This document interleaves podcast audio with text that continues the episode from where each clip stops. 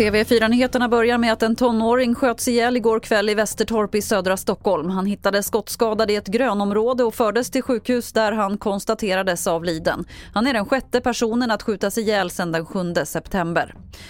Och en pojke i tonåren har gripits misstänkt för mordförsök efter en annan skjutning sent igår. Då avlossades skott mot ett radhus i Jordbro i Haninge kommun men ingen kom till skada. Och I Malmö har en 18-åring och en 19-åring gripits misstänkta för att vara inblandade i den senaste tidens våldsdåd i Uppsala.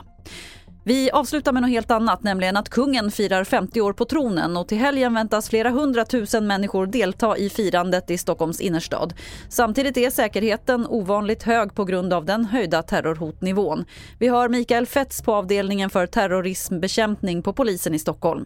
Alltså det är ju en väldigt komplex polisinsats med många eh, aktörer som är inblandade och vi använder väldigt många av de förmågor som polisen förfogar över. Drönare, polishelikopter, båtar, Eh, uniformerade poliser, civilklädda poliser, insatsberedskap och så vidare. Så den, hela eh, paletten kan man säga då, av det polisen förfogar över.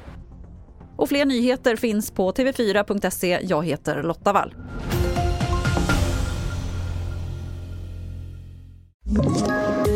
Poddtips från Podplay. I podden Något Kaiko garanterar östgötarna Brutti och jag, Davva, dig en stor dos skratt. Där följer jag pladask för köttätandet igen. Man är lite som en jävla vampyr. Man har fått lite blodsmak och då måste man ha mer. Udda spaningar, fängslande anekdoter och en och annan arg rant. Jag måste ha mitt kaffe på morgonen för annars är jag ingen trevlig människa. Då är du ingen trevlig människa, punkt. Något Kaiko, hör du på Podplay. Därför är gardinerna.